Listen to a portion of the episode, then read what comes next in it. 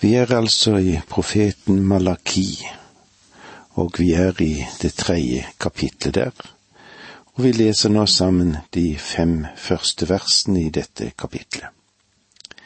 Se, jeg sender mine budbærer, han skal rydde veien for meg. Herren som dere søker kommer brått til sitt tempel. Se, han kommer, paktens engel som dere stunder etter, sier Herren allers Gud. Men hvem kan tåle den dagen han kommer? Hvem kan stå seg når han kommer til syne? For han er lik ilden, som smelteren bruker lik luten som vaskerne renser med. Han skal sitte og smelte og rense sølvet. Han skal rense levittene, lutre dem i gull og sølv, så de kan bære frem for Herren offergaver på rett vis. Da skal Herren glede seg over Judas og Jerusalems offergaver, som i eldgamle dager, i fordums tid. Jeg kommer til dere og holder dom. Jeg vil være rask til å vitne mot dem som driver med trolldom, mot dem som bryter ekteskapet, mot dem som sverger falskt, mot dem som holder tilbake dagarbeidernes lønn og undertrykker enker og farløse, og fordreier innflytternes rett, men ingen frykter meg, sier Herren, allhers Gud. Her skildres det noe av sendebudets oppgave. Han skal forberede tempelet og prestene for Herrens komme. Alt det gale er jo beskrevet tidligere, det skal ordnes opp nå, og gudstjenesten skal gjenopprettes slik som det var i gammel tid. Ofrene skal igjen bæres frem på rett måte og Herren skal igjen ha behag i dem. Herrens hus må renses før han kan innta det. Herren er tenkt som en konge. Tempelet, det er hans palass. Sendebudet er sendt foran ham for å sette palasset i rette stand. Hvem er sendebudet? Malaki, se, jeg sender mitt budskap til deg. Øyensynlig hadde ment at profeten selv har satt overskrift for dette ved mitt sendebud. Når huset er satt i stand, kommer Herren selv for å holde dom og vise at Han er den rettferdige. Uansett hva folk måtte mene og si Alt det som får folket til å tvile, det skal han gjøre slutt på. De synder han skal dømme og gjøre slutt på, er her ikke bare av kulturell art.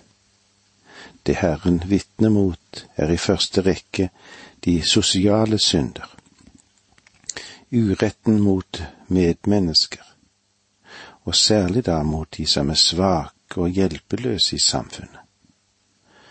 Alt dette henger sammen med mangel på rett gudsfrykt. Hadde de kjent Herren rett, ville de ha visst at Han er de svakes beskytter.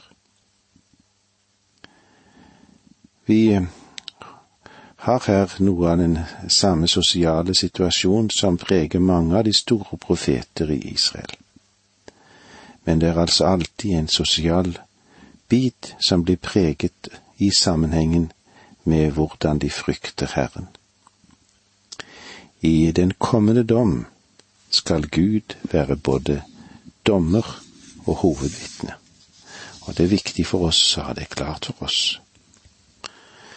I vers tre leser vi igjen, Se, jeg sender min budbærer. Han skal rydde veien for meg.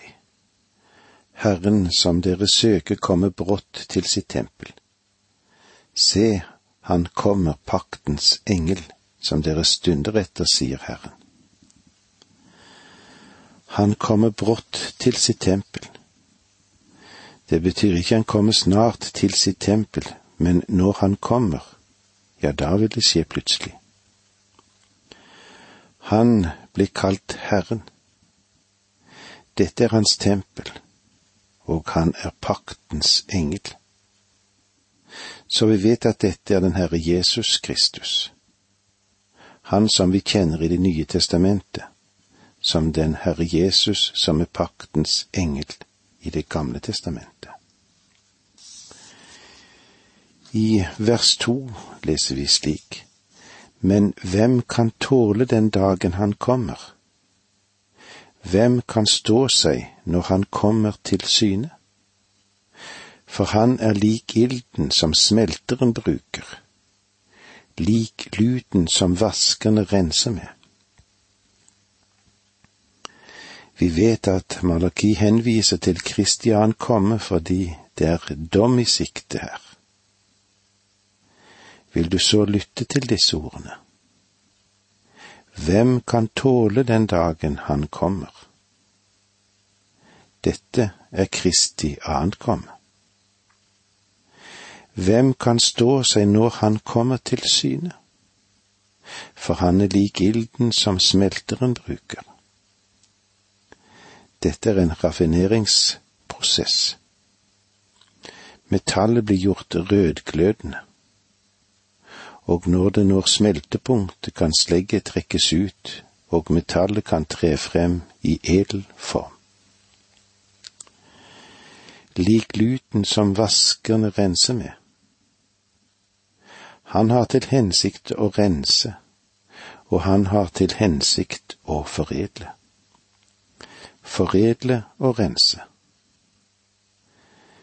Det vil ikke være noen forurensning når han oppretter sitt rike på denne jord. Vers tre Han skal sitte og smelte og rense sølvet. Han skal rense levittene, lytre dem som gull og sølv, så de kan bære frem for Herren offergaver på rett vis. Han skal sitte og smelte og rense sølv. Han skal rense levittene, de som skal stelle med det hellige. Og eh, jeg nevner spesielt levittene. De må selv være hellige. Lytter dem som gull og sølv. Her nevnes det altså to prosesser, rense og lytre. Å rense, det er en ytre rengjøring. Ilden ble brukt for å lytre, en indre forvandling. Så renselse og lytring går på en total forståelse av renhet. Vers fire. Da skal Herren glede seg over Judas og Jerusalems offergaver som i eldgamle dager, i fordums år. Da skal Herren glede seg over Judas og Jerusalems offergaver. Herren vil glede seg over deres offergave fordi de bringer ofre som nå er renset og lytret. Gud er i første rekke ikke interessert i våre religiøse øvelser om ikke hjertet først er rett. Det er det det kommer an på. Før vi har forsaket vårt synd, vår synd, og vendt oss fra den. En er, hver av oss kan falle i synd, men om vi blir værende der, vil Gud ikke være fornøyd med det, at vi opprettholder det, at det blir en ytre religiøs fase. Som i eldgamle dager i fordums tid, altså under Salomos regjeringstid, var det en periode da Israel tjente Gud på en slik måte at de vitnet for hele verden. Og med disse ordene må vi si takk for nå, må Gud være med deg. Dette undervisningsprogrammet består av to deler. Åge Nevland fortsetter nå med andre del av dagens undervisning. Vi er i profeten Malaki, han som har fått navnet Min budbærer. Han fikk en vanskelig oppgave. På den tiden hvor han levde, hadde det hellige folket blandet seg med landets folk, og det var derfor nødvendig med en renselse både av prestene og av folket i sin alminnelighet. Hvordan var det med det moralske og åndelige liv? Jo, det var sunket til et lavmål. Israel var blitt slaver under formalisme, og de levde òg i egenrettferdigheten. De tenkte først og fremst på egen velvære og nølte ikke med å spotte Guds navn. Det var derfor det var nødvendig for denne siste profeten at han refset folket, og han advarte folket, i stedet for å gi løfter og oppmuntringer. Og det er noe av dette òg vi kommer inn på når vi går videre inn i kapittel tre. Og vi er nå i det femte verset, som har et mektig budskap til oss. Litt vanskelig kanskje, men det er viktig òg å ta det med i vår tid. Jeg kommer til dere og holder dom. Jeg vil være rask til å vitne mot dem som driver med trolldom, mot dem som bryter ekteskapet, mot dem som sverger falskt, mot dem som holder tilbake dagarbeiderens lønn, og undertrykker enker og farløse og fordreier innflytternes rett, men ikke frykter meg sier Herren allherrs Gud. Jeg kommer til dere og holder dom. Jeg vil være rask til å vitne mot dem som driver med trolldom. Hva er det vi ser og opplever her? Jo, igjen ser vi at gjennom disse blandingsekteskapene, gjennom giftermål mellom hedenske kvinner, som tilba avguder, ble trolldom, okkultisme, demontilbedelse ført inn i, Israel. Og for å fylle det store åndelige vakuum i vårt eget land, så er det ganske mange i dag som venner seg til det okkulte. Og vi må bare som kirker gråte over det som har fulgt menneskesinn i dag. Hva er det vi har unngått? Vi har ikke fulgt dette åndelige tomrommet med dette åndelige vakuum som nå foregår i vårt samfunn. Mot dem som bryter ekteskapet, dette er en henvisning til de som hadde inngått blandingsekteskap ved å skille seg fra sine egne hustruer og gifte seg med fremmede og hedenske kvinner. Mot dem som sverger falskt, det vil si løgnerne. Og mot dem som holder tilbake dagarbeiderens lønn, og undertrykker enker og farløse, og fordreier innflytterens rett. Men ikke frykte meg, sier Herren allers Gud. Med andre ord var folk ikke noe vitnesbyrd for Gud. De fremmede som de burde ha vitnet for, vendte seg faktisk fra Gud, på grunn av den måten de ble behandlet på av Guds folk. Vers seks Jeg, Herren, har ikke forandret meg, og dere Jakobs sønner er stadig de samme. Gud er en dommens Gud, men han er også en miskunnelig Gud.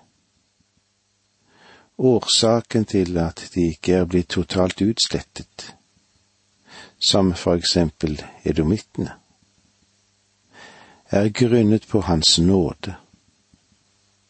Det er fordi Gud er nådig, og han er fremdeles nådig fordi han ikke endrer seg, og det skal vi takke Gud for. Det betyr at Gud også i dag er dommens Gud. Og det må være skremmende for de onde. Men han er også en Gud som aldri forandrer seg hva angår den nåde han gir. Og det er en trøst for alle som vil ta imot Guds nåde. Folket, irettesatt på grunn av sine religiøse synder, er det som vi vil bevege oss litt inn i nå. Vi kommer nå til en av de sjette av disse smarte unnskyldningene og de avledningsmanøvre som dette folket gir Gud. Det er åtte slike i denne boken. Hittil har vi møtt fem av dem, og nå kommer vi til den sjette. Dette folket prøver å dekke seg ved å stille Gud noen forundrede spørsmål. Gud kommer med en uttalelse og ber ham bevise det. Gud fører åtte anklager mot nasjonen, og de svarer ham med å stille åtte uforskammede, halvt såre spørsmål. Men Gud svarer dem høflig men bestemt. Han forsøker å få dem bort fra den veien, den veien som de nå vandrer på, mot ødeleggelse. For å tolke disse spørsmål kan det være rett å stanse et lite øyeblikk og se på den generasjon som stilte disse spørsmålene. Etter at Israel hadde vært i fangenskap i 70 år, så vendte en rest tilbake til landet. Nølende og halvhjertet begynte de å bygge opp igjen byen, og så forsøkte de å gjenreise tempelet. De hadde jo fått smake slaveriets brutalitet og lidelse. Som sine fedre i mursteinsindustrien i Egypt, hvor de hadde sukket og klaget og selv da de vendte tilbake, holdt de ut i slit og motløshet, ja, alvorlige forfølgelser. Og jeg forutsetter at de trodde at når de vendte tilbake, så ville alt finne sin lykkelige løsning, og livet, det ville være enkelt og oppløftende for dem. Men slik ble det ikke. Gjennom de vanskeligheter de møtte, ønsket Gud å disiplinere dem. Det var hans form for korreksjon. Men eh, det hadde ikke den ønskede virkning. Det å bli disiplinert vil enten gjøre deg myk eller rar. Og disse menneskene, de forherdet seg og ble bitre under det åk som ble lagt på dem. De ble, de ble stivnakkede. De var som fanger som var blitt satt fri, men ikke var blitt forvandlet. De var kommet ut av fangenskapet, men hadde åpenbart ikke lært sin lekse. Faktisk er det ikke mye mer Gud kunne ha gjort for dem. Selv Gud kan slippe opp for måter å forvandle mennesker på, de som ikke vil. Det var ut fra jordsmonn i denne generasjonen at stridbare og beinharde bevegelser kom frem, som fariseere, sadukerene og de skriftlærde de grodde fram, og som hadde utviklet seg til en skremmende lovtrelldom ved den tid da den Herre Jesus kom, 400 år senere. Det som var en liten krusing av opprør mot Gud på Malaki sin tid, ble på Jesus sin tid hurtig og voksende kreftsvulst. Gud prøvde å stoppe utviklingen av denne svulsten. Han forsøkte å operere den bort, og derfor kom han med disse åtte anklagene mot dem. Deres svar forteller noe om deres holdning. De fant ikke selv hva de var skyldig til, og eh, det var det Gud anklaget dem for. Men de blir tvert imot såret og overrasket over det Gud holdt mot dem, det Gud gjorde mot dem. Og eh, de spilte offerets rolle, og med en skuldertrekning avviste de anklagene som uberettiget for dem. Dette er nå det sjette sarkastiske spørsmål som folket presenterte Gud med på de rustne anklager han rettet mot dem. Nå ber Gud folk om å gjøre noe, og det leser vi i vers syv. Dere har helt siden fedrenes tid forlatt mine forskrifter og ikke holdt dem. Vend tilbake til meg, så skal jeg vende meg til dere, sier Herren allers Gud. Men dere spør, hvordan skal vi vende tilbake? Og med disse ordene sier vi takk for nå. Må Gud være med deg.